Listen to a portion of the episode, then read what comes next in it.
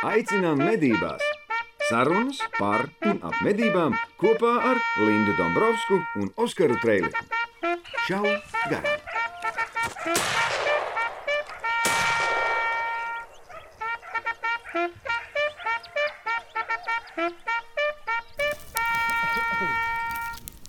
Mums ir 215. epizode. Šodien mēs sēžam uz dīvāniņa. Oskars joprojām ir uh, izplatījumā kaut kur.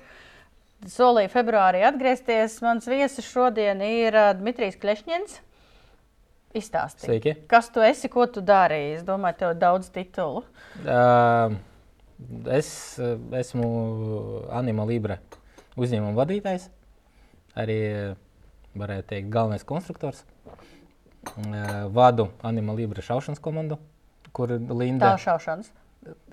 Gan šaušanas, ah, gan jā, viss kaut šaušanas. kas, jā. Lietišķā šaušana. Lietišķā šaušanas komanda, jā, kur Linda mums tur uh, uzvar visu laiku večus. visādus. Kādreiz sanāk. Jā. Visu laiku, nē, kādreiz sanāk. Uh, nu, jā, nodarbojos ar šaušanu, interesējos par medībām. Mednieks arī esi.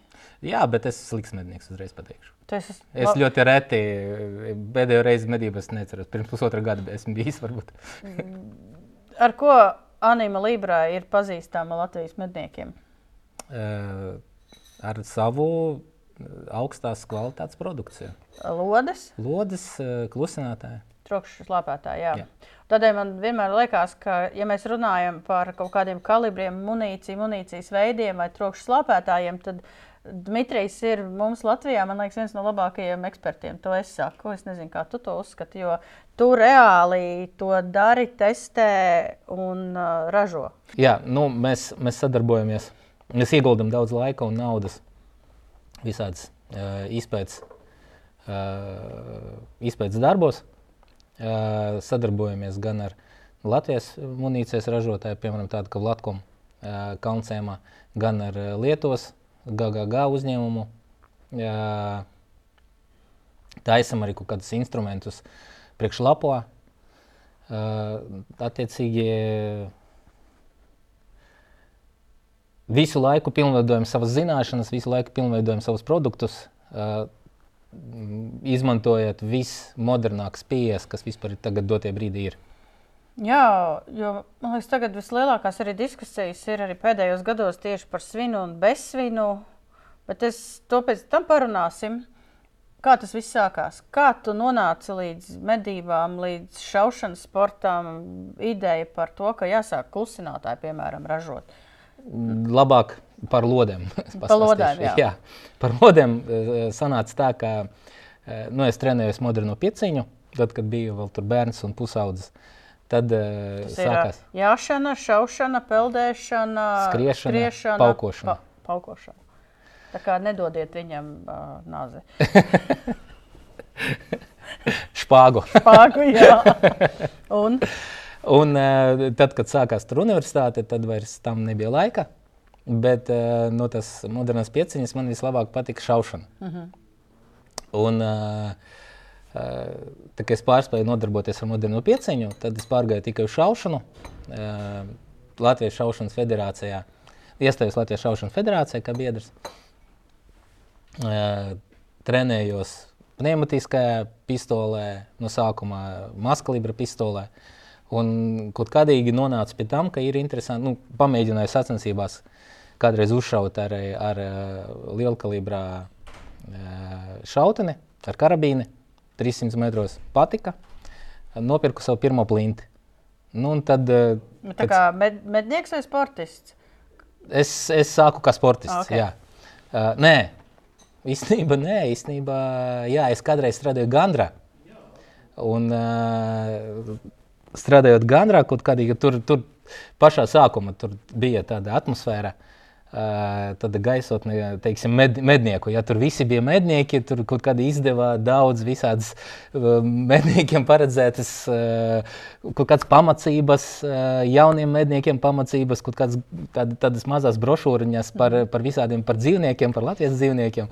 Un tas kaut kādīgi kā man ievilka. Un izdomāju, ka jā, nu, eksāmens. Tad eh, nu, šaušana man bija ok.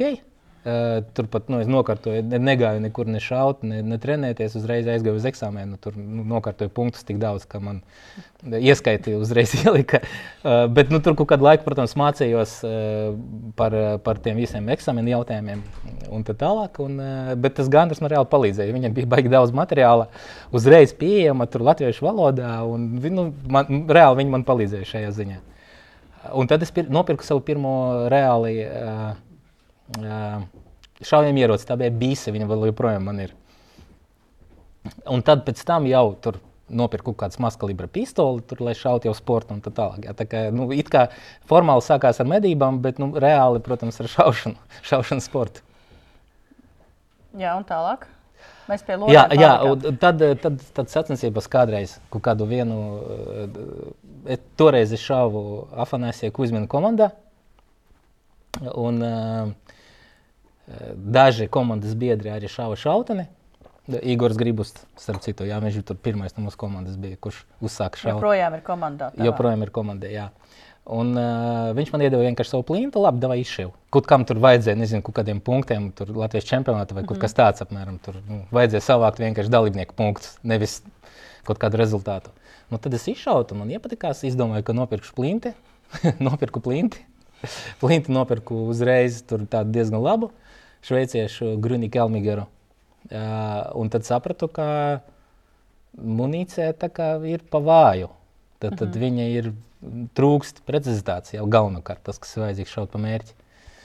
Uh, tad tajā brīdī jau bija atļauts jau pašam lādēt munīciju sporta medību nolūkos.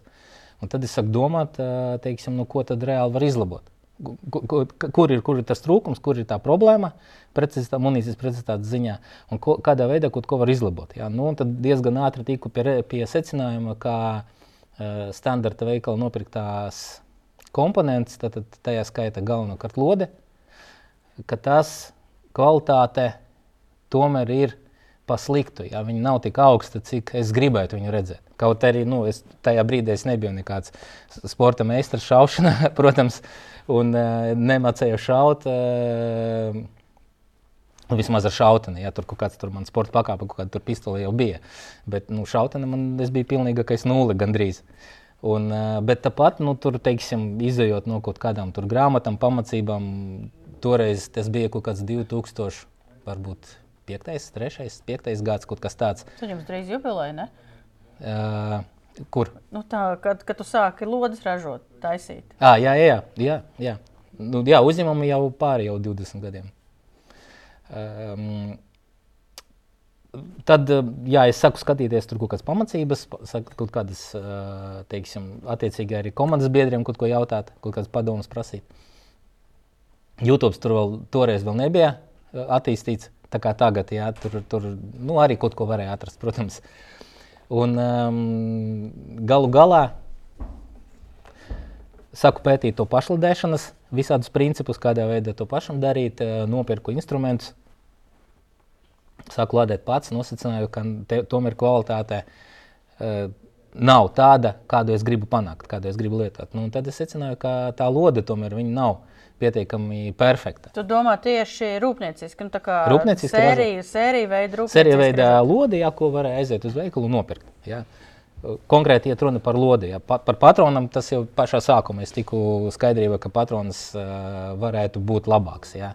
Ka, jā, protams, var aiziet uz veikalu, Uh, izvēlēties kaut kādu labu, kvalitatīvu ražotāju, ja nu, tādu ir daudz, tur, piemēram, nu, kaut kādu normu, vai lapo, vai RVS. Nu, jā, principā jau tā ir da, nu, dārgu, munīcija. Jā, jā, dārgu, labu munīciju, bet tāpat, teiksim, tā munīcija kvalitāte atšķirās no sērijas uz sēriju. Ja, tad, tad kaut kādam ražošanas tad, tad lotam tā kvalitāte ir viena, un kādam citam ar blakus numuru jau ir cita. Okay, labi. Ko nozīmē pietiekama precizitāte tavā izpratnē? Nu, ir mednieki, kas ieši var trāpīt trīs lodes A4 formāta lapā, viņam viss ir ok. Par kā, kāda mēroga precizitāte tu runā šobrīd? Uh, precizitāte ir atkarīga no tā, cik liels ir mērķis. Tad, ja mums mērķis, piemēram, uh, tur kaut kāda attāluma, nu, piemēram, 300 metrus, ko mēs šaujam Latvijas čempionātā un lietas šajā šaušanas etapā, ja? ja tur mērķis ir mērķa desmitnieks, ir 5 cm diametrā. Tas nozīmē, ka um, munīcijas precizitātei, tad, tad blīvumam jābūt tādam, lai visas lodes varētu trāpīt tajā 5 cm diametrā aplī. Bet, 20 vai 30 vai cik tu šauji? Jā, nu, ieskait, ieskait šāvienu mums ir 20, jā, jā. Nu, 20 šāvieniem jātrāp tajā 5 cm aplī. Bet problēma ir tāda, ka sacensību laikā e, pats galvenais traucējušais faktors ir cilvēks, kurš uztraucās, kuram ir tremors, jā, kuram, kuram, kurš, kurš neļauj, kurš traucē tam ierocim trāpīt tajā. Un tad tur ir vējš, un tad tur ir kaut kāds blakus lamājās, tad otram ir stoba bremze, kas tev sit smeltis acīs, un tur ir tie faktori. Ir, pat pie pilnīgi ideāla ieroča, optikas un lodes, tur to iemeslu, lai netrāpītu, ir 150. Vismaz. Jā, tieši tā. Tad, tad attiecīgi, tur vēl krājas visādas kļūdas kas to blīvumu pasliktinās, jebkurā gadījumā. Līdz ar to mēs varam vienkārši tīri loģiski nosacināt, ka tam blīvumam viņam jābūt divreiz labākam, vismaz, nekā ir tas mērķis. Tad, ja mērķis mums ir 5 cm, nu tad pilnīgi mierīgākajos apstākļos, kad tu šauj treniņā, kad tu piešauj ieroci, ka tev nekas netraucē, tev nav nekāda laika ierobežojuma, tev ir ideāls laiks, tev nav vēja, tev viss ir pilnībā ideāli. Un tad tev ir jāatrāpa tad mērķi, kurš ir divreiz mazāks. Nu, tad, uh, tam blīvumam jābūt kaut kur 25-30 mm aplī, 300 metros. Tā, lai, tu, lai tev reāli tehniska iespēja būtu garantēt trāpīt tur tos 200 punktus, tad visus desmitnieku sacensībās. Bet tāpat tu to neizdarīsi, jo ir vēl vairāk traucējuši faktori, kuri to izkliedi taisa vēl lielāku, ja krietni lielāku. Nē, nu, jau te, te, kaut vai no tie paši 300 metri tās, tās, nu, tās kļūdas, pat nu, jebkuras tehniskas vai tavas kļūdas, ne, nu, viņi nav. Nu, ja, ja stobrs pavirzās, vienkārši kā piemērs, ja stobrs ugunslīnijā pavirzās pa milimetru divam simtaļam, tas ir pa 0,02 mm. 300 metros tas ir ārpus desmitnieka. Saprotat? Kāds tas ir kosmos. Es saprotu, Alnī var trāpīt, bet, uh, ja tev ir divi eiro monēta, nu, tas mērķis pieņemsim, nu, tad uh, saprotiet. Jā, tas ir, tas ir šeit, ugunslīnijā tā kļūda ir ļoti maza, bet tur viņa jau ir ārpus jau maksimālā vērtēšanas. Okay, tad tu sā, saprati, ka tu sāksi taisīt pats savus lodus. Tad es saku, tad es saku vienkārši pētīt tīri teoretiski. Uh, Tad, tad, nu, kur, kur sākās, kur ir vajadzīga tā precizitāte, kur sākās uh, problēmas, kuras to precizitāti sāk negatīvi ietekmēt. Nu, un, protams, kā pat loģiski, ja izdomā, tad pa mērķi mēs trāpām ar lodi. Mēs netrāpām ne ar pirkstu, ne ar stobru, ne ar optiku, ne ar pulveri, ne ar kapseli, ne ar patronu. Jā, mēs trāpām pa mērķi ar lodi. Lode atlido un uztais to caurumu. Līdz ar to viss sākās ar lodi. Lodei jābūt perfektai, Ja lode ir perfekta, tad mēs ejam tālāk. Tad, tad lodi mēs izšaujam no stobra, tad, tad stobram arī jābūt perfektam. Uh, to lodi izšauja no stobra pulvera lādiņš, tad, tad pulvera lādiņam jābūt perfektam, nezinu, tur visādiem grau, visiem graudiņiem jābūt perfektiem, nosvertam jābūt perfektam, aizdedzinātam perfektam. Tad, tad to stobru mēs virzam jau ar to optiku, nu tā mums palīdz, ja viņi novirza, tad, tad optika un savienojums ar stobru jābūt perfektam un tā tālāk un tā tālāk. Bet nu, tas viss sākās ar to lodi. Un ja tā lodi, ja viņa pat par sevi uh, viņa nu, nav perfekti izgatavota, tad viņa nav perfekta. Tad mēs nevaram gaidīt tādu rezultātu, kurš mums novadīs pie kaut kāda nosacīta ideāla blīvuma. Ja? Tad, kad tur kaut kādā nav svarīgi, kāda attāluma tur tas lodes trāpa lode lodē, ja? vienā caurumā. Par to pēc pauzes. Nu ko? Lādē iekšā! Ok, es saprotu, tev ir vīzija. Tu gribi ideālu lodi, visu ideāli, viss ir superīgi. Bet, ja es sēdēšu, skatīšos video un izdomāšu, ka es taisīšu lodi, man nav ne zināšanu, ne iespēju, ne aprīkojumu, lai to darītu. Tev taču ir jābūt kaut kādam pamatam, vismaz papīrīti par, par to, ka tu vari, vari principā, tu saproti, ko tu dari.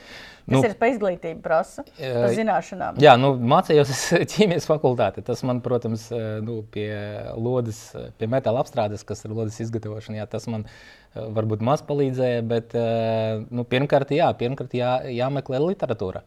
Literatūra kā tāda, viņa eksistē.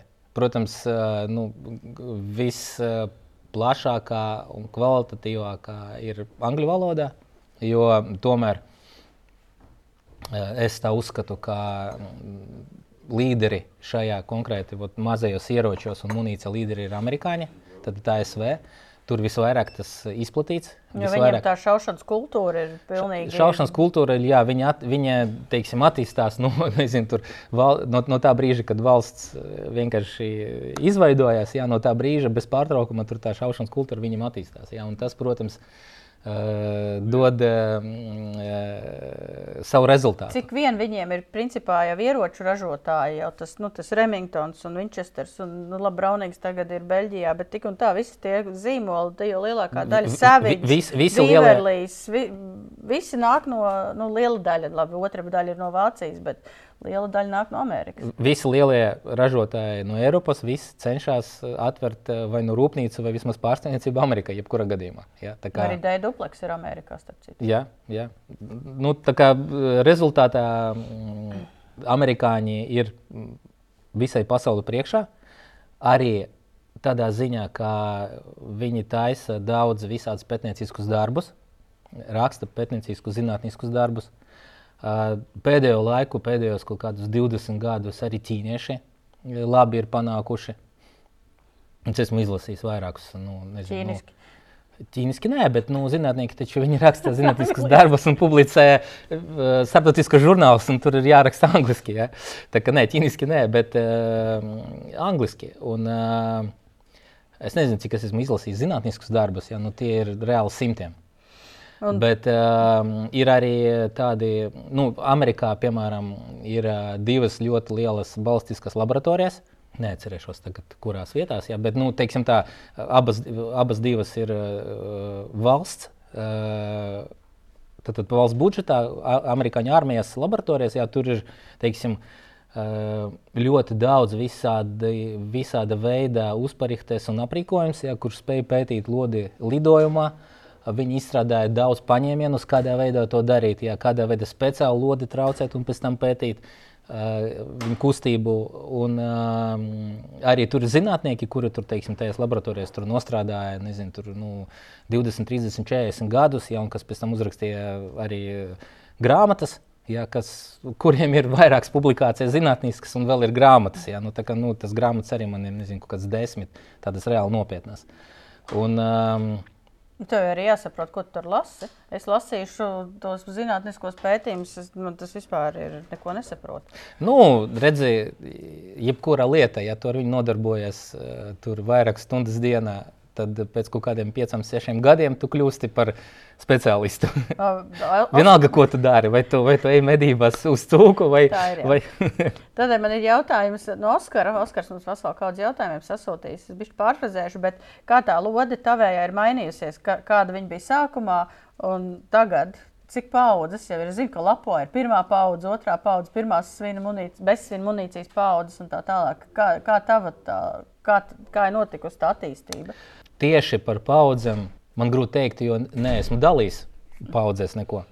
Bet uh, varētu teikt tā, ka pašā sākumā tad, tad tā izstrāde bija uh, diezgan primitīva. Vienkārši tika, ne, tika taisīts, tur nezinu, uzzīmēta kaut kāda forma, smuka, jā, un tad viņa tiek uzlādēta un izšauta. Un, teiksim, tur tika pētīts, teiksim, tur tie caurumi uz papīra. Jā. Nu, tā, tas bija, teiksim, to, tā, tā bija kaut kāda pirmā paudze, ja, kad vienkārši viņas tas lodes sākā lidot taisni, ka viņi neveidoja. Nu, Trāpījuma vietas jā, tad, tad bija apaļas, nevis uh, olveidīgās vai nezinu, gludekļveidīgās. tad tā, tā varētu būt, ka tā ir. To var nosaukt par pirmo paudzi. Tad uh, mēs izstrādājām uh, ar vienu matemātikas profesoru uh, metodiku, kādā veidā uh, ar empiriskām metodēm, tad empiriskas metodes tas ir, teiksim, tiek, tiek ņemti kaut kādi koeficienti no kaut kādām vairākām datubāzēm. Arī, teiksim, tiem pašiem amerikāņiem viņiem ir daudz uh, nopublicētas atvērtās datubāzes par visādu munīciju uh, testēšanu un pētījumiem, un tur ir dažādi parametri. Un tos parametrus uh, fiziskie parametri. Kādi spēki, kādi griezes momenti ietekmē lodi, teiksim, ar kādiem ātrumiem un tā tālāk. Tad mēs paņemam tos datus un um, izveidojam tādu teiksim, programmu, kurā uh, spēja aprēķināt uh, lodes parametrus jau izējot no tā, cik tā lode, kāda viņa ir forma un kāds viņa ir teiksim, svars, kāds viņa ir kalibrs, kāds viņa ir sakotnējais ātrums. Ar to jau sākās jau ļoti teiksim, labi rezultāti, jo tā programma, ko mēs izveidojam, ja, nu, tas bija kaut kur ap 2010. gadu, 10, 12. varbūt. Jo mēs panācām tādu pašu rezultātu, kādu panāk teiksim, nu, tie paši lielie munīcijas ražotāji. Ja, tad, tad ir um, Misaila.com, tāda teiksim, amerikāņu sistēma. Uh, kur izstrādā munīciju. Mhm. -huh. Viņa arī pēc tāda paša principa izveidota. Jā, bet, nu, tur, protams, tur nu, nu nekāda atvērtie kodi nav internetā, jā, bet nu, tur ir dažādi apraksti, kādā veidā tā programma strādā. Un uh, ir dažādi. Uh, nopublicēt rezultātu testēšanas. Jā, nu, nu tā var, var, var izdomāt aptuveni, kādā veidā. Nu. Es, tu, tu tā stāsti, ka man liekas, jau mednieks parastais jau ir aizklīdis. Indulim viss ir skaidrs, viņš ir mums fiziķis izglītības. Jā, nu tad, tad, tad mēs izveidojam tādu, tādu programmu. Viņa ļoti labi palīdzēja. Viņa uzreiz jau spēja aprēķināt uh, giroskopisko stabilitāti. Viņa spēja aprēķināt. Uh, Balistisko koeficientu. Jā, un, un, nu, tas, tas viss reāli. Tas viss, tad, ņemot tas, to visu jau... vērā, jūs esat uzlabojuši to. Jā, un tagad, teiksim, pirms kaut kādiem pāris gadiem, es izdomāju, ka nu, tagad vajag uh, to sistēmu vēl pilnveidot un, un reāli, teiksim, tajā. Teiksim, tā implementēt arī vismodernākās zināšanas par to, kādā veidā notiek, kādā veidā tā lode lido caur gaisu. Ja? Gan uh, to, kas attiecas uz balistiku, gan to, gan to, tas, gan to kas attiecas uz aerodinamiku. Un tad mēs jau tur jau, jau ņemam vērā jau ļoti daudz visādus faktorus. Jā, nu, tajā uh, aerodinamiķu vai balistiķu vidē tas saucas uh, Six Degree of Freedom, tad, tad uh, sešas uh, brīvības pakāpes. Uh mhm. -huh. Jā, tas nozīmē, ka mums ir trīs dimensiju vide, trīs dimensiju pasaule, mums ir trīs asis un, eh, un trīs brīvības. Jā, tad tā lode viņa, viņa rotē arī trijos. Eh, Labi, jā, es visu... starp tām trijām asīm. Attiecīgi mums izveidojas. Tagad jautājums tālāk. Tu izmanto viņu sportā, bet arī es pati izmantoju medībās jau, es nezinu, desmit gadus. Es ar tavām lodēm šauju bez svina. Nu ko? Lādē iekšā! Tu jau no paša sākuma izvēlējies bezsvinu, nevis svinu. Jau tad, kad tas vēl principā Latvijā nebija aktuāli, acīm redzot, Latvijas munīcijas ražotāji jau sāka ar bezsvinu uzreiz dēļ duplekstu. Un tad es tev esmu nesusi tās lodes, kas ir atrastas dzīvniekos ar dažādu informāciju, kā viņi strādā uz to dzīvnieku. Jo daudziem liekas, ka bezsvins ir strunts.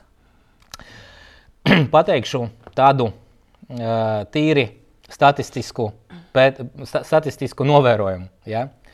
Statistika rāda, ka vienalga, kurš ir tas lodes ražotājs, un īstenībā vienalga, vai tas ir vinolode vai bezsvinolode, bet reāli tas nav svarīgi. Nu, tiešām, ja, nu, ja tā lode ir, ir puslīdz normāla, ja, ja viņa nav nu, ot, ot, reāli kļūdaini, brāķēta, vai ļoti nekvalitatīvi izgatavota, vai ļoti slikti aprēķināta. Ja, nu, teiksim, vidējo, vienkārši kaut kādu nevis perfektu lodi, bet kādu vidējo lodi, ja mēs paņemsim vienalga svina vai bezsvina, tad starp desmit cilvēkiem atradīsies viens, kurš pateiks, ka tā lode pilnīgi nekam neder ja viņi nestrādā. Tas ir jebkuram ražotājam, jebkuram materiālam. Vot, vot reāli, vot, vot, vot tu paņemsi kaut kādu vidējo produktu un, un tajā, vot, no vidējā ražotāja.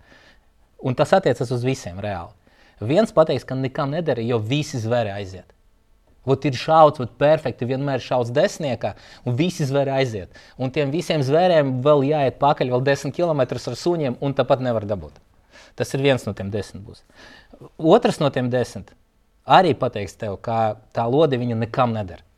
Tāpēc, ka nu, nu, teiksim, tā visa gaļa jāmet prom nu, vienalga, kur es trāpu, nu, puszvērs ir jāizmet. Nu, vienkārši nu, tā, nu, tur kaulīs, čembas, eh, tur šļaka tas, nu, nu, nu nekā, nu, šauju, teiksim, pa cisku izmet ārā pus, pusi no, eh, no mežcūks. Ja? Un tad astoņi pārējie cilvēki no tiem desmit, viņi pateiks, ka, nu, viss ir kārtība, viss apmierina, viss labi. Un tad, nu, statistika to rāda. Ja, tā, ka, diemžēl, eh, pirmkārt, nu, jāmāk šaut, jātrenējās. Uh, ko es uzreiz varu pateikt, ko es saku vienmēr katram medniekam, kas tur man nezinu, prasa kaut kādu padomu, teiksim, kur labāk piešaut ieroci, pie kā labāk griezties. Es vienmēr saku, nekādā gadījumā nav jāgriežas ne pie kā. Tev pašam tev, jāšauj. tev pašam ir jāpiešauj savs ierocis. Pirmkārt, tu uh, būsi pats familiārs ar to, kādā veidā tu regulē to tēmekli. Ja tu zināsi, kādā veidā tev grozīt tos barabāniņus, jā, jā, labi, tev varbūt būs grūti, tev tur tu izturēs kaut kādas patronas, bet tu vismaz sapratīsi, kādā veidā tev ir tā regulācija notiek.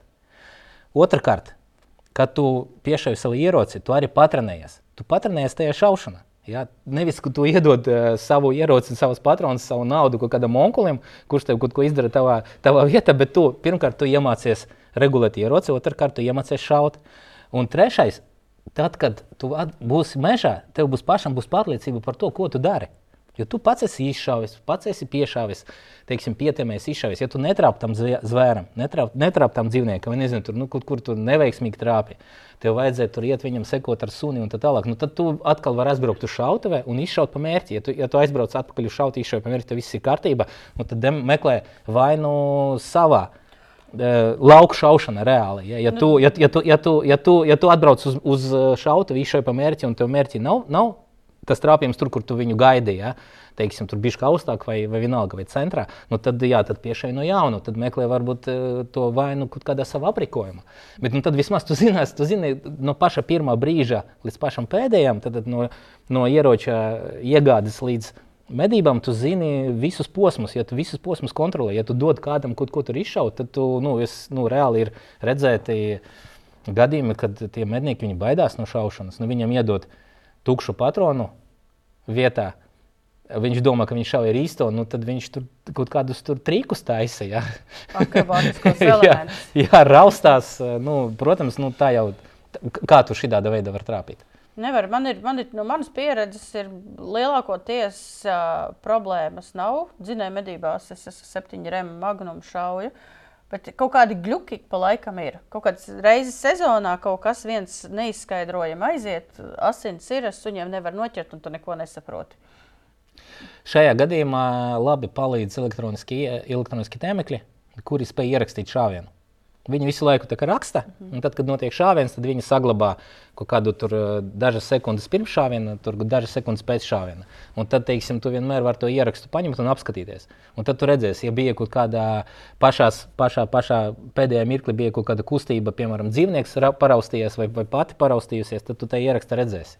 Un tad būs uzreiz saprašana, kur, kur bija tā problēma, kāpēc tu netrāpīji. Jā, tā ir. Jā. A varētu būt vienkārši nu, pa vidu, kaut kur pagadies kaut kāds zars.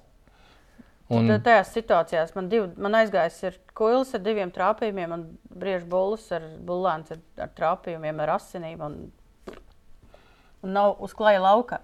Nav nekā. Vienkārši nezinu, kosmos ir. Es nezinu, izskaidrot grūti. Bet labi, par to nav tēma, par to nav runa. Ja nav baigais noslēpums, cik ložu tu saražo tagad? Cik nu, diezgan maz. mednieki? Nu, do, dotajā, brīdī, dotajā brīdī mēs taisām jaunu ražošanu ārpus Rīgas. Jo tas valsts vidas dienas. To es tas... saprotu, ka tu jau taisies munīciju, jau taisies ražot jau gadus, kaut kādus piecus. jā, jā, jā bet, bet vēl joprojām nē. Un uh, dotajā brīdī mēs to darām sadarbībā ar uh, Latviju. Jo viņiem ir uh, pilnā cikla visas licences. Kā to, ko mēs paši nedrīkstam, nevaram uztaisīt, tad mēs tur sadarbojamies ar viņiem. Bet uh, nu, dotajā brīdī es domāju, ka mm, diezgan maz. Konkrēti, ja iet runa par lodiem, tad maz. Bet uh, tas ir tikai Latvijā, jums kaut kāds eksports arī ir. vai? Nē, nav nekad eksporta. Tas brīdī principā pēc tu uh, ražo lodes draugiem un sev sacensībām. Jā, tieši tā. Tālāk. un kā jūs nonācāt līdz klusinātājiem, trokšņa slāpētājiem? Mm, e, Nu, tur situācija bija tāda, ka bija brīvas ražošanas jaudas. Nu, tā kā nebija ko darīt. Ja? E, Nu, it kā bija ko darīt, bet e, nu, vienmēr jau skaties uz priekšu. Ja, un, teiksim, e, nu, tā ražošana jābūvē tādā veidā, ka tev nu, nav, nav nekad nekāda digstāva. Ja tikko tev izdodas digstāva, tad tā uzreiz ir baigie mīnusi jebkurai ražošanai. Loģiski. Un tad, eh, teiksim, eh, plānojot kaut kādu mm, ražošanu uz priekšu, tur kaut kādas vairākas nedēļas uz priekšu, tad eh, nu, teiksim, tu, tu skaties, vai, vai, vai teiksim, tev būs tas brīvs jaudas, nebūs tas brīvs jaudas. Un, un, īstenībā tas bija saistīts vairāk kārt ar to, Bet nu, tā pieeja, jā, viņa atkal bija, protams, zinātniska. Jā, kad no sākuma vajag saprast, kas ir vajadzīgs. Tātad uh, mums ir uh, pulvera gāzes, gāzēm ir uh, augsta temperatūra līdz kaut kādiem 900 grādiem. Gāzēm ir ļoti augsts ātrums, gāzes ir smagas. Ja ātrums ir, nu, teiksim, salīdzinājumā, ja, piemēram, lodē sakotnējais ātrums ir kaut kāds 800, 900 tūkstoši metru sekundē, ja, tad pulvergāzēm, kad viņas izraujas ārā no stobra, ja viņam te, ātrums ir uh, 1500, 2000 metru sekundē. Tas ir krietni, krietni vairāk. Tad milzīgs ātrums, milzīga temperatūra, smagās gāzes. Nu, tad ar tām gāzēm viņam vajag atdzesēt, un viņas vajag apstādināt. Atdzesēt labāk līdz kaut kādai temperatūrai, kad viņiem tā enerģija nebūs tāda, ka viņi spēs vēl sev pātrināt. Un labāk līdz tādai temperatūrai, lai viņas, nes, lai viņas um, neuzliesmo uh, saskaroties ar, gai, ar atmosfēras skābekli. Ja, tad tad nu, tie ir kaut kādi 200, 250 varbūt, grādi ja, no tiem 900. Un ātrumam jābūt, lai pašas lai pašas gāda, gā, gāzes netaisa triecienu vilni un netaisa to lielo troksni. Ja, tad pašam gāzēm arī jābūt ātrumam, kurš ir mazāks nekā skaņas ātrums. Ja, tad, tad mazāks nekā 340 m2. Bet labāk nevis 340, bet labāk ar kaut kādu vēl rezervi, lai tajā transskaņu diapazonu neiekļūtu. Ja, nu tad zem 300. Lai panāktu tādu efektu, tad, tad uh, Jūs domājāt, vienkārši lietojot klusinātāju. Tur ir tik daudz Jā. Tik daudz to elementu. Un, un, un, un, piemēram, ja salīdzina klusinātāju tādu, kurš domāts ierocim, tad ar klusinātāju, ar, ar izpūtēju, kas, piemēram, ko izmanto automobīlī, tad tur ir ļoti liela atšķirība. Un tā liela atšķirība ir tāda, ka klusinātājiem pa vidu ir caurums. Nu, jā, loģiski. Jo klusinātājs nedrīkst traucēt lodī.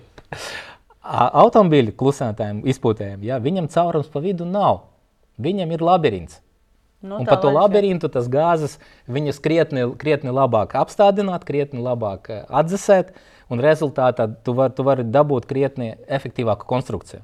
Bet eh, tad, tad, ko mēs varam izdarīt eh, tajā ieroču klusētājā, lai, lai efektīvi tad, tad, tad atdzesētu un uh, apstādinātu gāzes?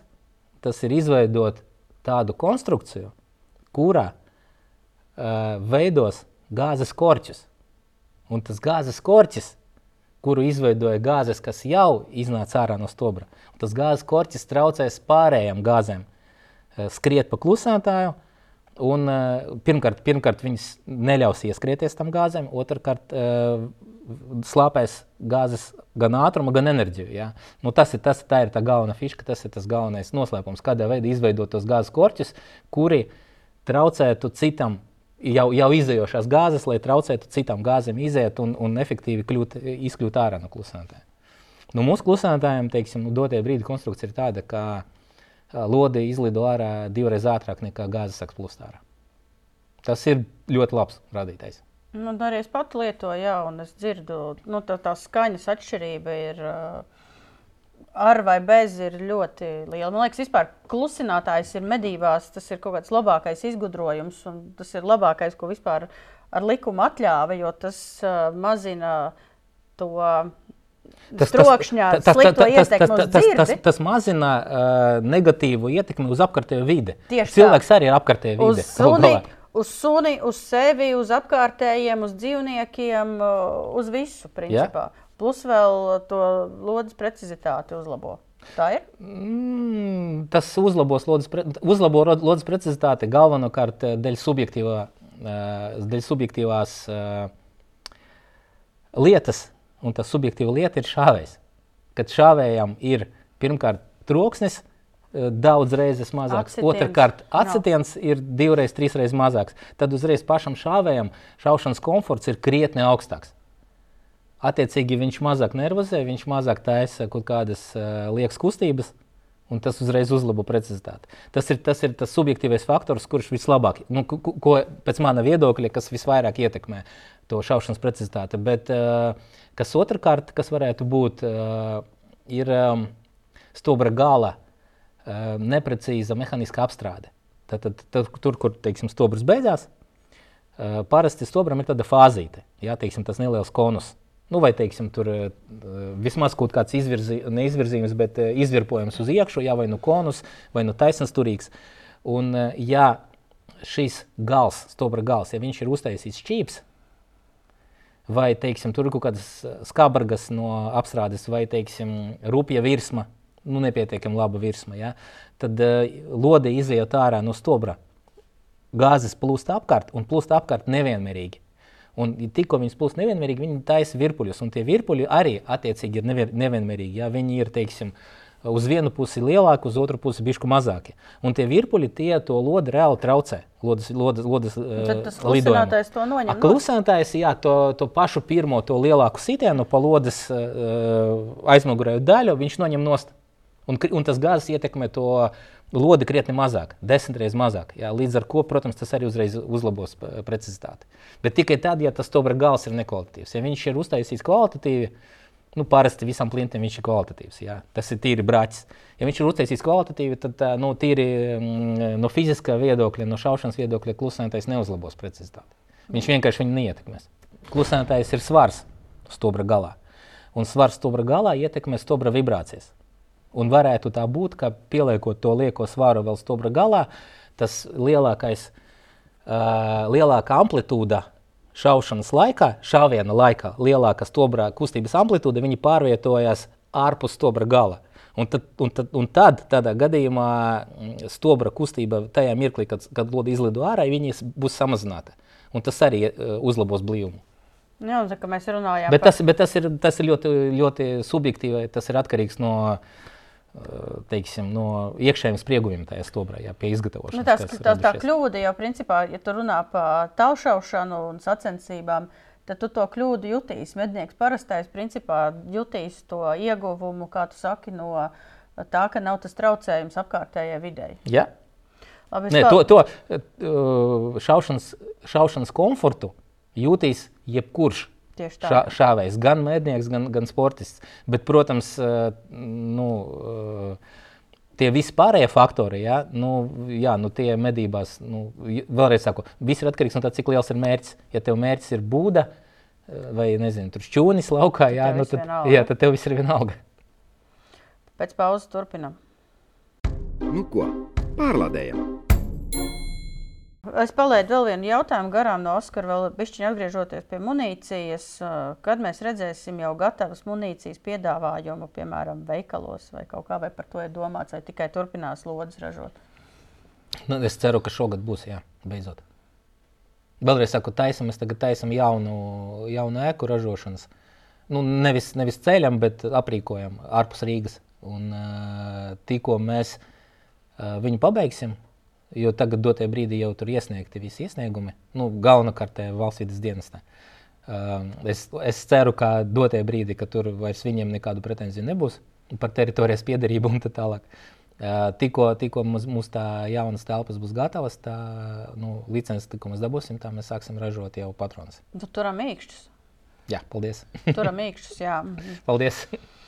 Tālāk jautājums arī no Oskara tieši par trokšņa slāpētājiem. Mednieki bieži jautā par titānu klusinātājiem, vai tos ražo un ar ko šie atšķiras no citu ražotājiem klusīšiem. Jo cenas par... atšķirība ir. Man ir titāna, un tas es zinu, ka tu man viņu taisīji, tad tas maksāja trīs reizes vairāk nekā klusinātājs parastais. Nu, tā arī ir. Uh, aptuveni 2,5-3 reizes dārgāks. Bet uh, ko es gribētu pateikt par titāna klusētājiem vispār. Jā. Jā, tas, ka nosaukumā ir titāns, nenozīmē, ka tas klusētājs ir taisīts no titāna. Parasti Titāna no daļas? tiem, jā, no tiem klusētājiem, ko Rīga veikalos var nopirkt, parasti no titāna ir viena detaļa iekšā. Ir izgatavota. Vispārējais ir no alumīnija. Ja? Uh, bet, uh, bet tu saproti, ka tagad tev apmētās ar tomātiem. Par... Jā, nu, bet uh, kāda problēma? Vienkārši, vienkārši jautājiet, cik daudz detaļas tur ir no titāna. Va, ir tādi klusētāji, ko var nopirkt Rīgā e, veikalos, kuriem gandrīz visas detaļas ir taisītas no titāna. Bet atkal, nu, tur kaut kāda viena, divas nav. Ja, nu, tas, kā, manuprāt, e, ko, ko tas izsaka? Titāns, alumīnijs, e, ko tas maina pēc būtības? Titāns ir, nu, titāna arī ir vairāk sakausējami, ja, bet, nu, tur, teiksim, uh, Titāna vanādijā. Sakausējums tas ir um, Great 5 marka, Titāna marka. Ja? Uh, viņš, tas sakausējums viņš ir pirmkārt divreiz izturīgāks un cietāks nekā stobra tērauds. Tīri, ja mēs runājam par mehāniskām īpašībām.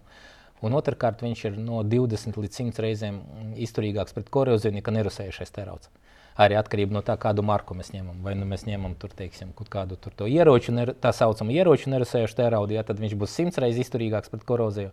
Ja mēs ņemam kādu pārtikas nerasējušu tēraudu, tad viņš būs 20 reizes labāks. Attiecīgi, no tā mēs varam secināt, ka titāns ir konkrēti pielietojumā klusinātājos. Tā ir mūžīga manta, jo viņu nevar nesabojāt. Mehāniski. Es Jā, nu,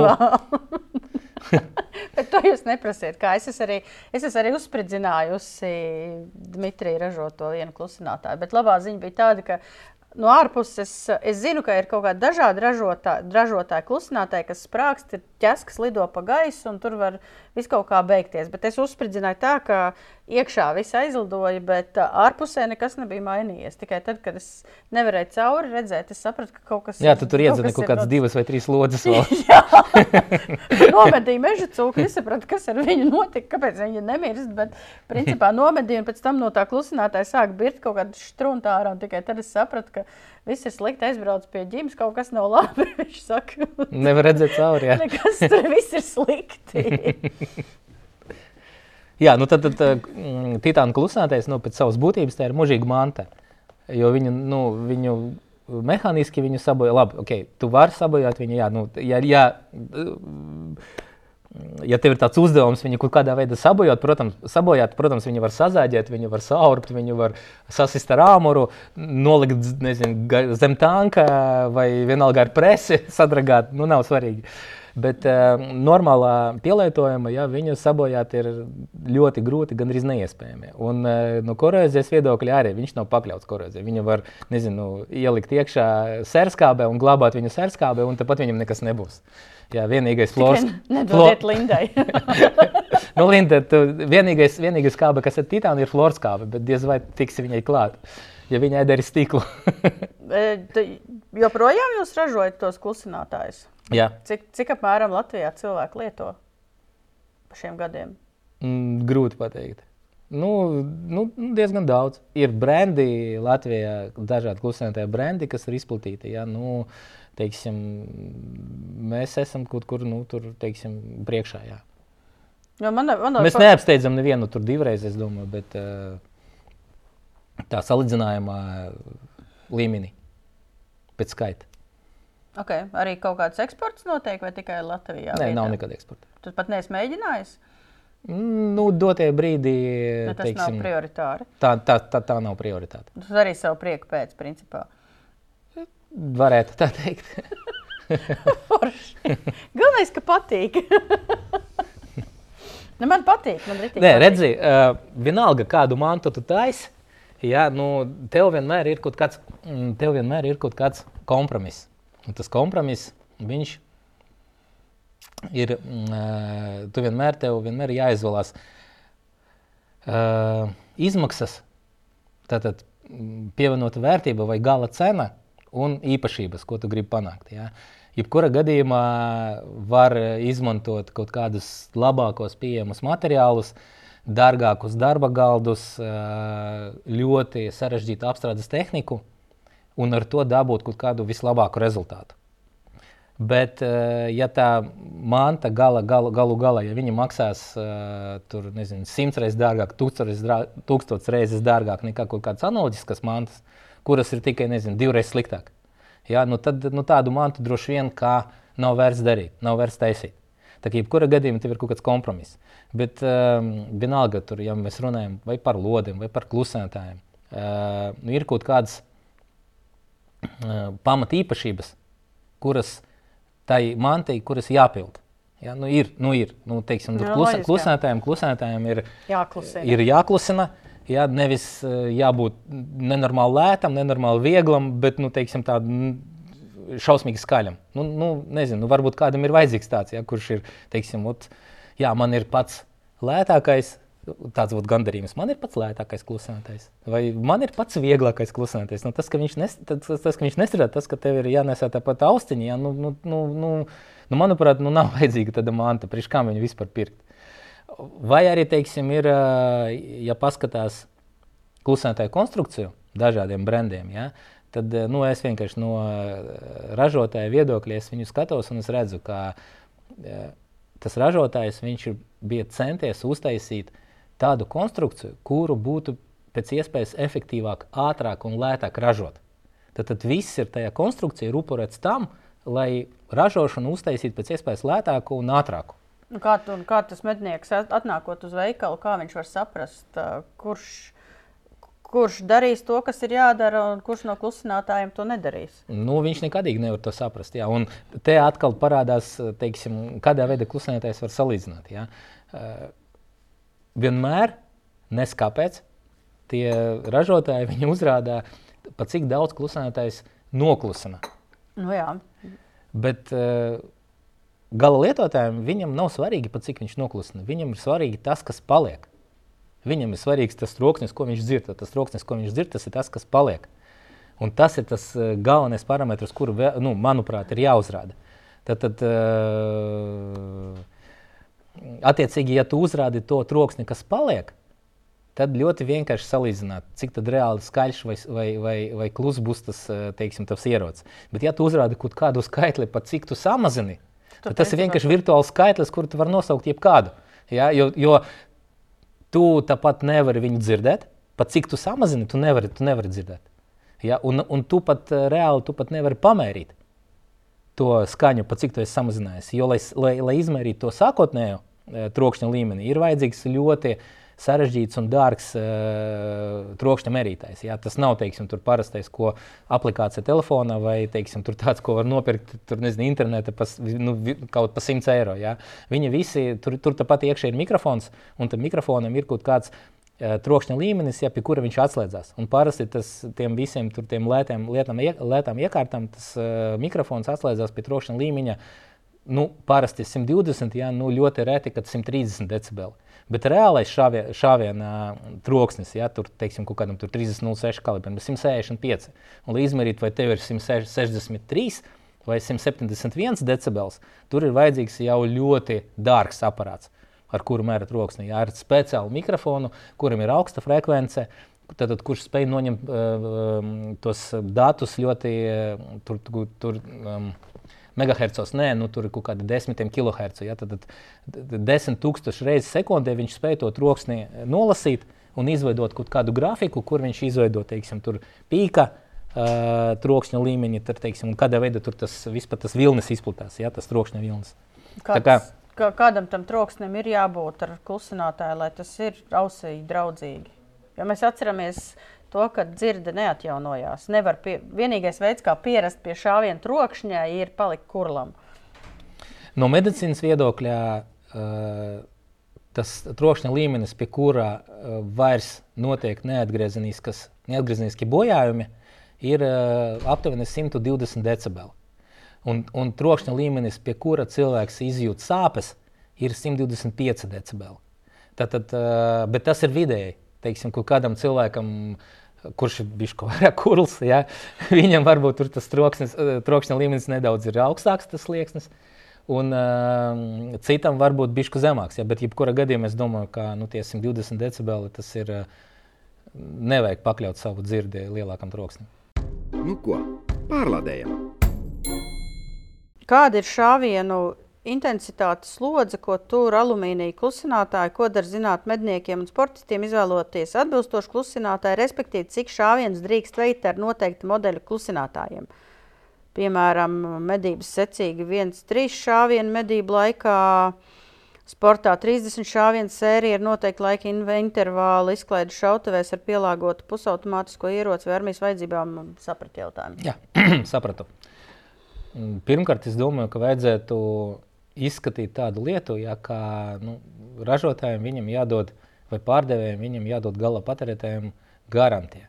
Un tā garantija likuma ir uz jebkurām precēm ir divi gadi.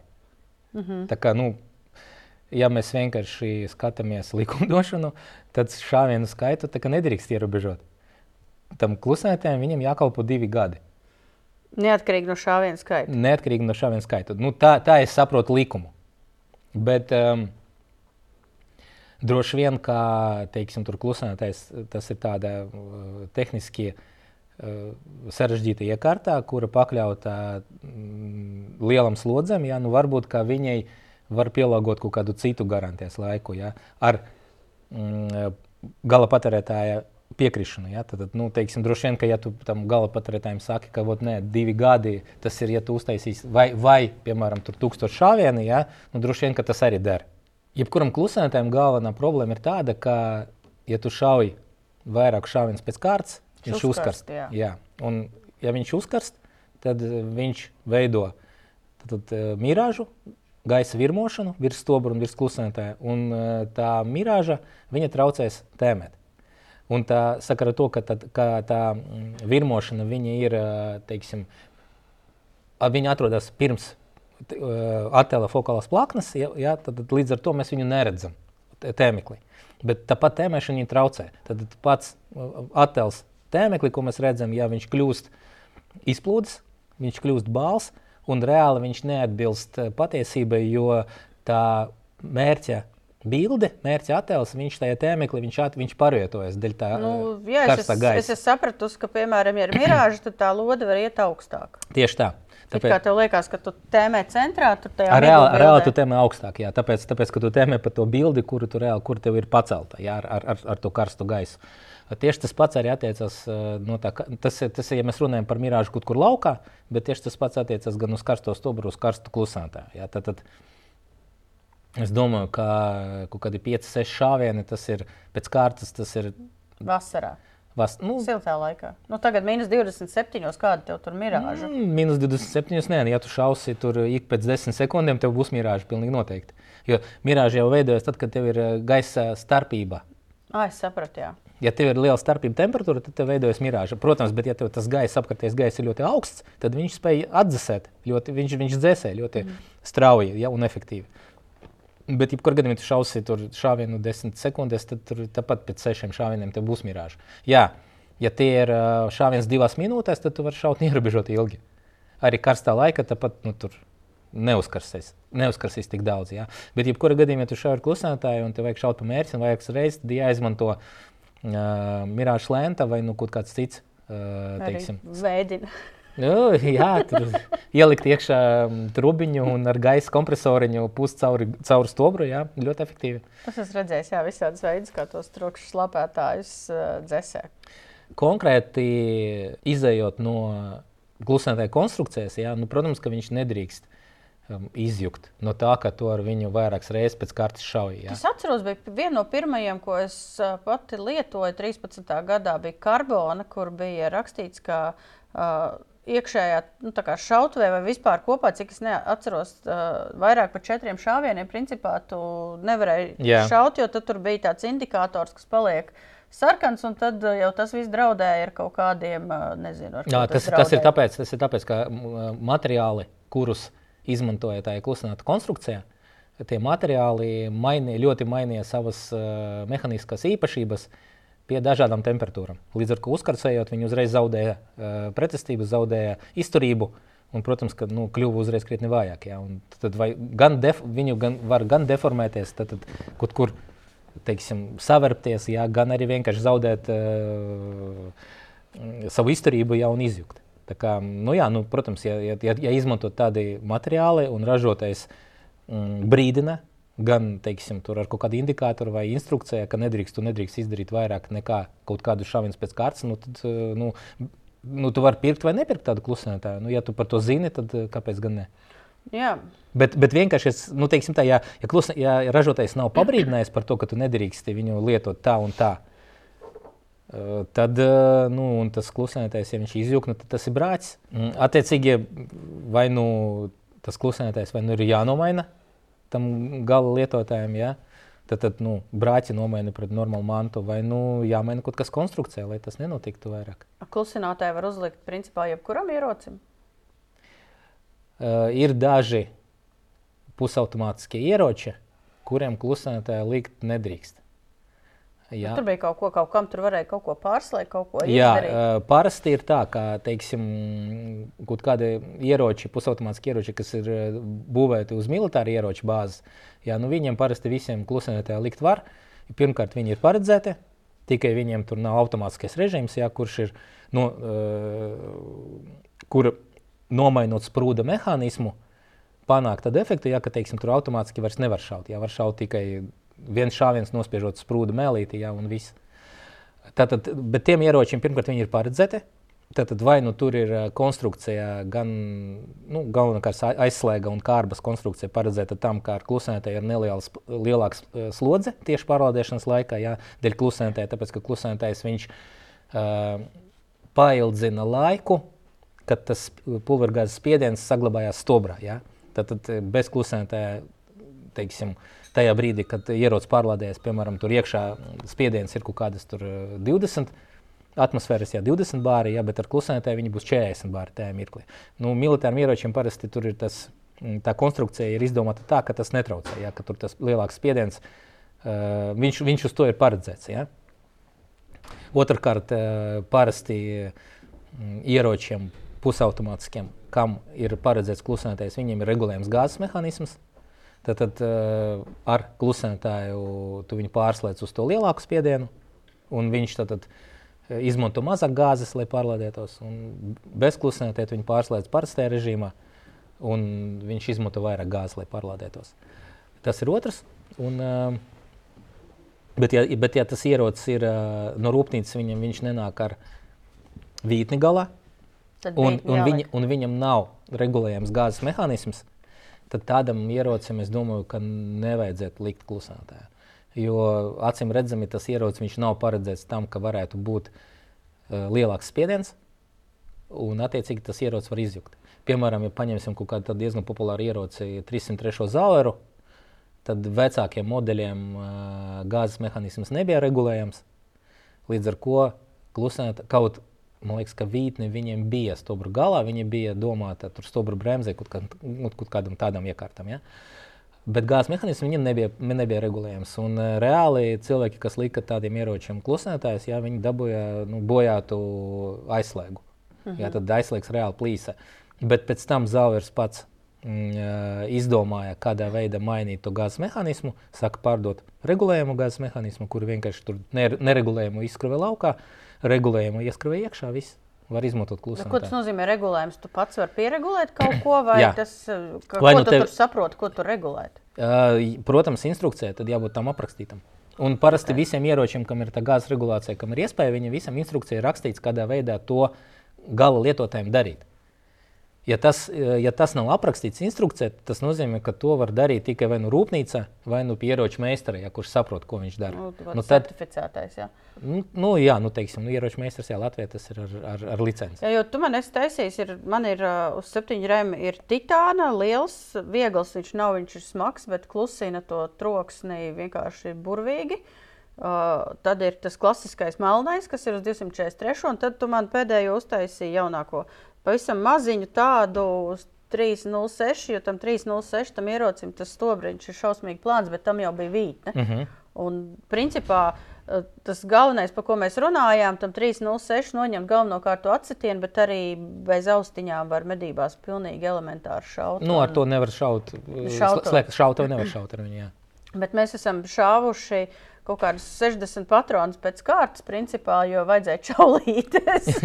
tad izklaidējāmies šautavē, vispār nekādas problēmas gāja. Pat, uh, Caurums caurumā vispār to toreiz sūtīja. To, jā, nē, nu, tāpēc, ka, tāpēc, ka teiksim, mums ir uh, jā, mūsējais uzbūvēts, nu, viņš nav nemaz pats vieglākais, bet, uh, nu, diemžēl, to nevar uztaisīt ļoti vieglu mani, man, mantiņu ar šausmīgi tievam sieniņam, jā, un lai viņa būtu izturīga.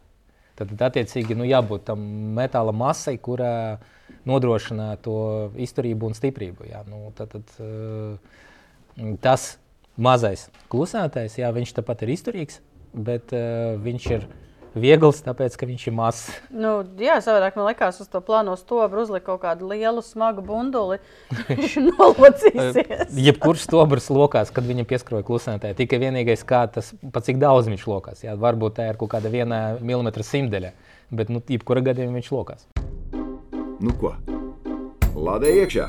Ir kaut kāds parastais kloķiem ierocis, jā, tad ne pusautomāts, bet teiksim, kuram šāviena laikā nekādas detaļas nekustās. Jā, tad, tad, uh, ja tādam ierocim parasti klusētāji likt var, tas, to, teiksim, tas ir droši, jā, tas nav bīstami, bet ar nosacījumu, ka tam ierocim ir pietiekami resns stobrs. Jā, nu, tas resns stobrs nozīmē, ka tam stobram diametrā jābūt vēlams 16 mm vai vairāk. Ja tādā gadījumā parasti tādam ierocim klusētājai likt droši. Ja tas stobrs ir mazāk nekā 16 mm, ja, nu, tad tur jāskatās, kas tur ir kalibrs. Ja tas ir 223, tad varbūt arī teiksim, 15 mm.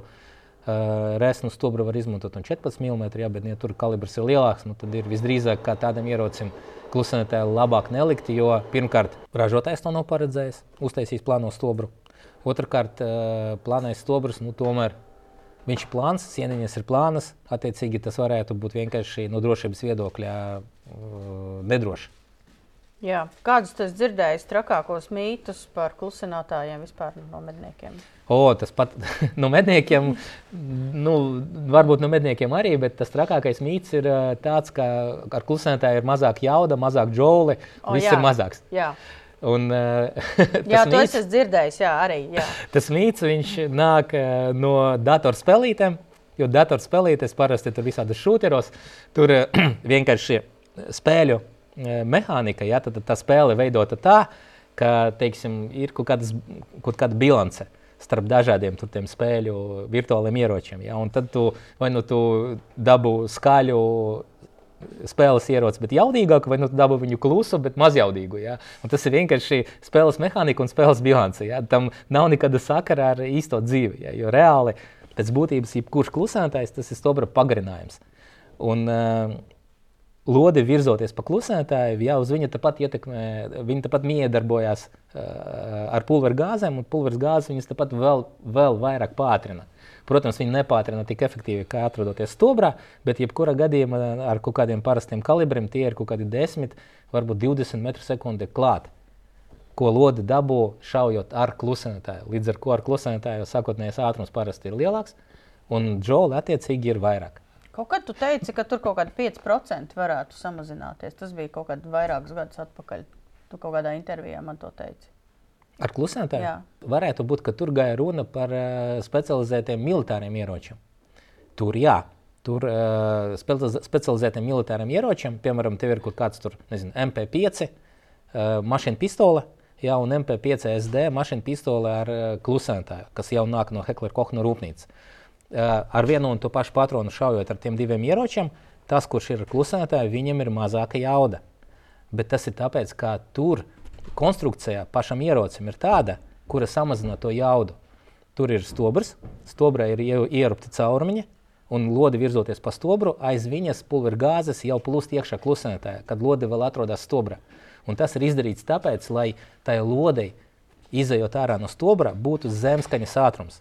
Jo, no, tādā veidā. Jā, un tad, un tad tu šauji ar okay, parastu MP5, tev ir virsskaņas ātrums, un ar, ar, ar, klus, ar klusām tev ir zemskaņas ātrums. Jā, tad tur būs jauda. Kāpēc tad ir, Mazāk. kāpēc, piemēram, man septiņi remi magnumam ar klusinātāju, bez klusinātāja starpība ir 5, 17 klikšķi, 243 ir, nezinu, vispār praktiski nekāda klikšķi nav. Nu, Tur kaut kāds tāds gabaliņš mainās, kuriem jau nepievērš vispār uzmanību. Nu, nu, pirmkārt, uh, klusētājām ka, nu, viņam jālaiž ārā lode, un, un lode viņš nedrīkst skart. Ja tikko viņš tikko lodes skars klusētāju no iekšas, jā, tad pirmkārt.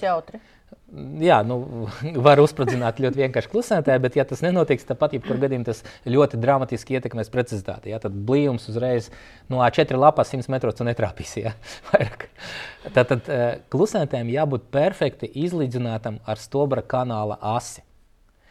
Bet problēma ir tāda, ka vītne uz to, pirmkārt, stobra kanāls un pats stobrs viņš nav ideāls. Jebkurā gadījumā tas ir ļoti gara un tieva detaļa, kurai ir jāizgatavo ļoti precīzi. Un galvenais, kad jebkurš ražotājs, kad viņš ražo stobru, ja viņš skatās, lai stobra kanāls pats par sevi, lai būtu pēc iespējas kvalitatīvāks. Tas, ka viņš nedaudz novirzās no ārējā stobra diametra, jā, vai tur, teiksim, tur uh, izskatās kā čūska. Nu, es ļoti pārspīlēti ja, runa, rādu, ja, bet nu, tur teiksim, varētu būt līdz uh, kaut kādiem, nu, es esmu redzējis, ka līdz pusmilimetram pat ir tā starpība, ja, kad, kad tas stobra kanāls, kā viņš staigā iekšā stobrā. Bet tas ir, tas ir slikts stobrs, ja, kaut kādam tur. Uh, Tie nu, stūrēšana. Ražotājiem, kas seko līdzi ja, kvalitātei, nu, viņiem nekā tā nav. Ja. Nu, tur vienalga, vai tas ir blāzers vai tas ir tika. Ja. Tāpat, nu, piemēram, šie divi, ja, viņi seko līdzi tam, lai tie stūra kvalitāte būtu augsta. Tur viņiem tā novirze ir dažas simtaļas tikai, ja, varbūt piecas simtaļas, ja, bet nu, nevis pusmilimetrs. Tātad, mm, pirmkārt, tad stūra kanāls nav ideāli pa vidu, un viņš nav ideāli taisns. Ja, tad viņš varētu būt novirzīts gan pret ārējo diametru, nekoncentriski, gan viņš varētu būt zem leņķa tā izēja. Attiecīgie mm, vītne, ar kuru klusētājs tiek pieskrāvēts, jā, tai vītnei pirmkārt jābūt izlīdzinātai perfekti pret stobra kanālu. Otrakārt, pašam klusētājam jābūt arī izgatavotam taisni. Tātad viņu tā vītnes savienojums, jā, viņam, jābūt, viņam jānodrošina, ka tas klusētājs ar visiem saviem kamerām ar izjošu caurumiņu, lai viņš būtu arī perfekti pa vidu galu galā. Nu, to visu savākt kopā ir grūti. Nu, kaut kā tas sanāk, bet parasti nē. Parasti kaut kāda novirzi klusētāja galā ir. Un, ja mēs teiksim, iedomājamies, ka mums viss ir perfekti, ideāli, taisni izgatavots, viss ir teiksim, klusētāja pieskrojumi, viss ir perfekti, viss ir koncentrisks, viss ir pa vidu, tad jebkurā gadījumā tas trāpījums ar klusētāju būs bišķi zemāks nekā bez klusētāja. Pirmkārt, tāpēc, ka klusētājs tas ir svars stobra galā, un tas svars izloks stobru uz leju. Pa simtaļu, pa varbūt pa divām simtaļām tikai milimetra, bet simts metros tas ir pāris centimetri jau. Otrakārt, tad, kad lode virzās pa stobru, viņa strādā kā virzulis. Viņa stum sev priekšā gaisu, kas ir stobrā iekšā. Un tas gaiss, izējot ārā no stobra, viņš miedarbojas ar klusētāju, un klusētājs jau sāk strādāt kā stobra bremze. Un galu galā tas svars galā, ko veidos klusantais, plus viņš strādā kā, kā stobra bremze tajā brīdī, kad lodi iet pa stobru, tas viss uh, galu galā uh, ietekmē pašu plīnti tādā veidā, ka pašas, paša stobra uzlieciens augšā tajā brīdī, kad lode vēl virzās pa stobru, ir mazāks ar klusētāju nekā bez klusētāja. Un tas dod mazāku radiālo ātrumu pašai lodei izlidojot ārā. Un tāpēc lode arī trāpa zemāk. Tā kā ja viss ir pilnībā ideāli izgatavots, tad lode jebkurā gadījumā viņa trāpēs bišku zemāk. 100 metros tie ir varbūt 1 cm, 2, varbūt 5 cm. Nu, 17 tas jau ir daudz. Nu, tur nav viss ideāli. Okay, jā, jo vienai tas sanāk, vienam stobram ir ideāli, otram nē, stobram nē, nē, tam, tam tu teici 243, tev gandrīz nav atšķirības. Jā.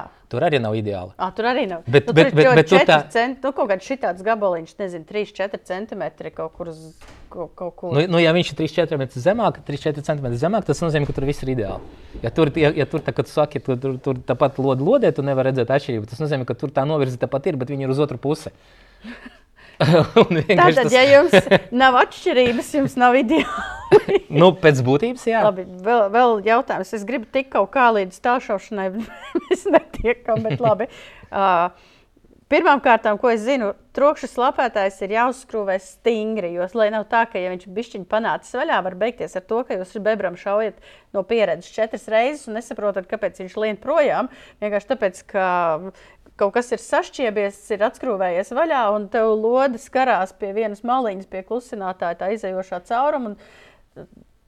Rumpī var trāpīt, bet uz ūdens mazām bebrām trāpīt. Jā, klusinātājs perfekti izlīdzinās pret stobra kanālu, tad, kad viņš ir pieskrāvēts un pievilkts. Stingri. Stingri jā. ja, viņš, ja viņš nav pievilkts stingri, bet viņš stāv tikai uz vītnes, tad jebkurā gadījumā viņš ir novirzīts. Jo uz vītnes tāpat ir kaut kāda lufte, tad, ir kaut kāda neliela pielaide, kura vienkārši ļauj viņu uzkrāvēt. Ja nebūtu nekādas pielaides, tad tu nevarētu nemaz uzkrāvēt viņu virsū. Ja? Tad tur pielaide jebkurā gadījumā ir. Bet tad, kad tu viņu pievelc, tad tā plakne, kas ir uz stobra atdure un uh, atdure uz klusētāju, tad viņi saskarās kopā un klusētājs izlīdzinās. Viņš, viņš izņem ārā to lufti, kas ir uz, uz vītnes. Ja? Šā garām jaktei būt. Okay, labi. Otrais ir jāskrūvē pēc medībām klusinātājs nost. Jā. Kāpēc? Jebkura gadījumā. Tāpēc, ka pirmkārt, uh, klusinātājā krājās uzdegums no pulvera gāzēm. Un tikko tiek iekšā mitrums, un tas notiek aptuveni pēc piecām minūtēm pēc pēdējā šāviena, jo tikko uh, stobrs nodziest, tikko teiksim, uh, klusētājs paliek augsts, ja, tad tiek iekšā mitrums no gaisa. Tas mitrums no gaisa uh, sajaucās ar uzdegumu, izveidojas visādi slāpekļa skābes savienojumi. Un tā slāpekļa skābe, nu, rupji nosauksim viņu par slāpekļa skābi, viņa sāk ēst uh, stobra kanālu. Attiecīgi, ja jūs neskrāvēsiet klusinātāju nost, tad pirmkārt sāks rūsēt stobra kanāls ļoti ātri. 20, nepārspīlēja, tagad 20 reizes ātrāk viņš sāks rūsēt, nekā vienkārši netīrīta plinte. Un, uh, tas ir pirmkārt, otrkārt, uh, pulveru gāzes viņas mēģina tikt gar vītni, gar vītnes savienojumu, viņas mēģina tikt ārā. Bet, protams, ka viņi netiek, bet kaut kādi pirmie 3-4 vījumi, ja viņi ar laiku sāk apdegt ar, ar uzdegumu. Un, ja klusinātāji neskrūvēt nost, tad tajā vietā izveidojas tāds diezgan uh, ciets, abrazīvs uh, uzdegums, kurš arī sajaucas ar, ar mitrumu. Tur izveidojās skābe, izveidojas rūsa un klusētais pierūsē pie stobra. Tā kā nostājas uh, nevar dabūt tāpat kā nu, kāds... pusgadu. Es domāju, ja pusgadu neskrūvēt un šaut. Tas ir tā kā gludstobra ierocīt čokus, ja tu nepārskrūvē, tad jā, ir dimbā. Tieši tā. Uh, medību laikā, nu, pārbraucot no masta uz mastu, ir jāskrūvē vai vienkārši pēc medībām tu noskrūvē? Nu, es domāju, ka medību laikā nevajag skrūvēt. Nu, es parasti pēc medībām biju ar šādu noskrūvē. Jā, atbrauc, atbrauc uz mežu, pieskrūvē, viss staigā pa krūmiem, pa kokiem, daudzē. Nu, ar to, ar parasto nu, lietošanu sabojāt neko nevar. Bet, nu, protams, ja tu pār, ja, tu, ja tev plinti stāv kaut kur bagāžniekā virsū, vēl kaut kādas smagās mantas, nezinu, tur liela kaste ar patroniem, vēl kaut kas, jā, un tad tu, teiksim, tur uzbrauc virsū uz kaut kādas nezinu, kaut kāda bedra un tas viss tai plintai uzkrīt virsū, tad varētu gadīties tā, ka mm, nu, izveidojas diezgan gara svira. Tu nospied, teiksim, tev klusētājs atdurās vienā vietā, laidas gals atdurās citā vietā, pa vidu tev tur uzkrīt kaut kāds smagums. Nu, tādā, tādā gadījumā var sabojāt to stobra galu. Tieši to, to vietu, kur, stobrs, kur, ir, kur ir atdure uz stobra. Parasti tā ir pat vajāka vieta, tā, kur visvieglāk jā, un nevajag arī tajā mirklī, kad jūs esat noskrūvējis klusinātāju, noskrūvējis to vāciņu, tajā mirklī nevajag nomest stobru zemē ar vītni uz leju. tas, tas ir tas no pa, pa, pa manas pieredzes. Es varu izgudrot visādas lietas, jo tad tās, tā vītne salocījās un vairs klusinātāju uzskrūvēt nevarēja. Jā, nu, protams, un tad ja... zvan, zvans Dmitrijam help. Mm -hmm. Nē, nu, protams, ja jums piemēram, nu, kaut kas tur noticis, ticis iekšā kaut kāds grūzis, jūs nepamanījāt, nu, vienalga, jūs sakat, skrūvēt klusinātāju, viņš pēkšņi iet ar kaut kādu spēku, kuru, kuru, kuru jūs neesat paredzējuši pirms tam. Ja tad visu laiku skrūvēs viegli un pēkšņi iet ar kaut kādu pretestību. Tad nevajag turpināt viņu skrūvēt. Ja? Nu, vajag viņu atskrūvēt, protams, uzreiz tikko tu jūti to pretestību, apskatīt vītni uz stobra. Ja tur ir, teiksim, ir redzami kaut kāda netīrība, notīrīt, ja nav redzami, tad pat pamēģināt tur noslaucīt, notīrīt, paskatīties klusētājā, vai tu tajā vītnē nav kaut kas ticis iekšā un pamēģināt uzkrot vēlreiz. Iespējams, ka uzreiz pēc tās tīrīšanas, laucīšanas jūs varēsiet atkal mierīgi uzkrot virsū, bet arī jā, pēc tīrīšanas, acīm redzami, ja jūs nevarat uzkrāt vairāk normālu, nu, nepielietojot kaut kādu papildu spēku, nu, tas nozīmē, ka jāblāk, labāk brauciet pie ieroča meistara, lai viņš Mm, ar uh, speciālām uzpariktiem, ar instrumentiem, lai viņš to vītni ielabo. Klusinātāji ir jātīra. Es zinu, ka tur ir mums video bijuši visādi ieteikumi ar vannītēm un ar šķidrumiem, vēl kaut ko tīra. Es tavējos neesmu godīgi nekad mūžā neko tīrījusi. Es domāju, ka tas attiecās uz jebkuru klusinātāju, uz jebkuru. Uh, nu, vismaz tādu, kurā nav visas detaļas no titāna. uh, viņu vajag izžāvēt pēc lietošanas. Tāpat kā plīnti. Atnācāt no sniega, no lietus, no salas. Fēnu vai vienkārši nolikt tā, nolikt, lai nezinu, pie, pie, pie radiatora nolikt vai pie krāsas nolikt. Jā. Klusinātāju uzlikt virsū uz radiatora. Vienkārši, lai abi divi, lai klusinātājs un plīnta, lai izžust. Tas uzreiz noņem no smītrumu, kas tur ir sakrājies, jā, un attiecīgi tas uzreiz uh, ne, neļaus veidoties skābe iekšā, kas reāli kas, kas korodē gan alumīnija daļas, gan tērauda daļas. Un tā tālāk. Ja, tad galvenais ir izžāvēt. Tas ir pirmais. Tad, tad eh, izžāvējiet, viss ir savs, lieciet iekšā Um, Pēc tam pats seifā. tur ir jātīra, jāmazgā, jāskalo kaut kāda šķīdumi. par, par, nezinu. par, par, par skalošanu tātad, uh, situācija ir sekojoša. Uh, pirmkārt, ja, ja klusētā ir kaut kādas alumīnija detaļas vai alumīnija sakausējuma detaļas, tad viņu nedrīkst tīrīt ar uh, mm, uh, kaut kādu tīrīšanas līdzekli, kur iekšā ir sārms. Tad, tad ar sārmaino, parasti tas sārmainais tīrīšanas līdzeklis, viņš sabojās anodējumu. Tad anodējums tas ir tāds speciālais cietais pārklājums, ja tad, tad uh, vir, virskārtas slānis alumīnijam, kas Tad viņu aizsargā. Parādās baltas sniega, nu, tā kā balti tādi. Jā, gadi, ja, ja tas, ja tas, ja tas uh, anodējums ir bojāts, tad tas alumīnijas viņš sāks korodēt, un tad viņam, viņš, no viņa sāk krist nost alumīnija oksīds. Un tas alumīnija oksīds, jā, tas ir tāds baltas, balts pulveris vai balts pārsliņas. Un tas jau ir reāli bīstami pašam stobram. Jo, ja jūs ņemat sabojātu klusētāju, no kura birst ārā uh, tas alumīnija oksīds, tad pieskrāvējot tādu klusētāju pie stobra, tas alumīnija oksīds sabirst iekšā stobra, stobra kanālā. Un tas ir tieši tas pats, kā stobra iebert vēl parasto smilti. Jo tas alumīnija oksīds tā ir abrazīva viela. Nu, un, protams, ja tur iekšā ir abrazīvs un jūs izšaujat, tad jūs to sabojājat. Mēs līdz tālšaušanai nemaz netikām šodien. Būs jāaicina Dmitrijs vēl uz kādu. Tad, kad sāksies sezona, tad par tālšaušanu parunāsim atsevišķi. Tik daudz informācijas, ka man galva ir uzvārījusies. Kā Ja mums, ir, mums ir jābeidz, jo tūlīt tās tiks ierakstīts nākamais podkāsts ķeram lielo, kas ir žurnālam Lielais Lomas. Tu necepēji, ja? nemakšķerē. Nē, Ah, Ļoti labi. Uh, jā, šodien mēs runājām ar Dmitriju Kļešņinu no Anima Libras tālšāvējas mednieks, runājām par lodēm. Es vēl varētu, man liekas, mēs kaut kādu stundu varētu vispār par svinu munīciju kā tādu vēl norunāt par visiem mītiem, par kalibriem. Gribēju pajautāt, kas ir labākais kalibrs, bet šoreiz nē. Nākamreiz. Tā kā, jā, lasiet, abonējiet, spiediet laiku.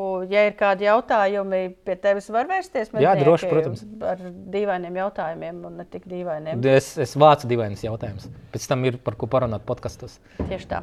Kā saka Oskars, piesakojiet, uzlieciet laikus, izplatiet visumā, sūtiet vecmāmiņām, vectētiņiem, draudzeņu draudzenēm, draugiem, ā, radiem, mednieku kolektīviem, padalieties savos sociālos tīklos. Un pats galvenais arī, protams, lasiet un abonējiet žurnālu medības, tāpēc, ka pateicoties žurnālam medības, mums var būt šie podkāsti. Uh, nebūs žurnāla, nebūs podkāstu. Tā kā tie, kas visu laiku saka, ka skatās tikai podkāstus un viņiem ar to pietiek, nē, atbalstiet mums, abonējiet žurnālu medības līdz gada beigām. Vēl, man liekas, ir opcijas vēl ar pielikumiem dabūt kaut ko. Kā kalendārs tur ir? Kalendārs bija jau. À, Kalendārs ir pasūtīja decembrī. mm, Tad, tad līdz decembra beigām pasūtīja, tad dabūja kalendāru. Un šodien, kad mēs sēžam un ierakstām, ir bijusi izloze no SIA ieroči un uzvarēja viena dāma, kas no paša sākuma ir abonējusi žurnālu medības. no pirmā numura? Laikam, bet viņa bija viena no pirmajām, kas vispār šo, šajā abonēšanas kampaņā abonēja. Tā kā abonējiet laicīgi. Viņa un abonēja no pirmā numura un pirmā nokārtoja abonementu Es tā sapratu. un jā. vinnēja.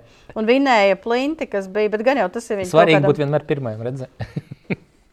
Tad tā viņa pirmā vieta tā, pievelk. Laimēja sieviete, kura jau gadiem pasūta žurnālu savam vīram un abonējusi 3. oktobrī. Vai teikt, ka bija viena no pirmajām, kas šajā abonēšanas kampaņā abonēja žurnālu.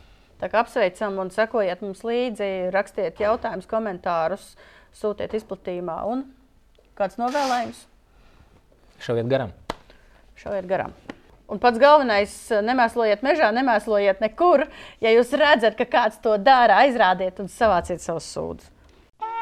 Ņemamies nost. Masts beidzies.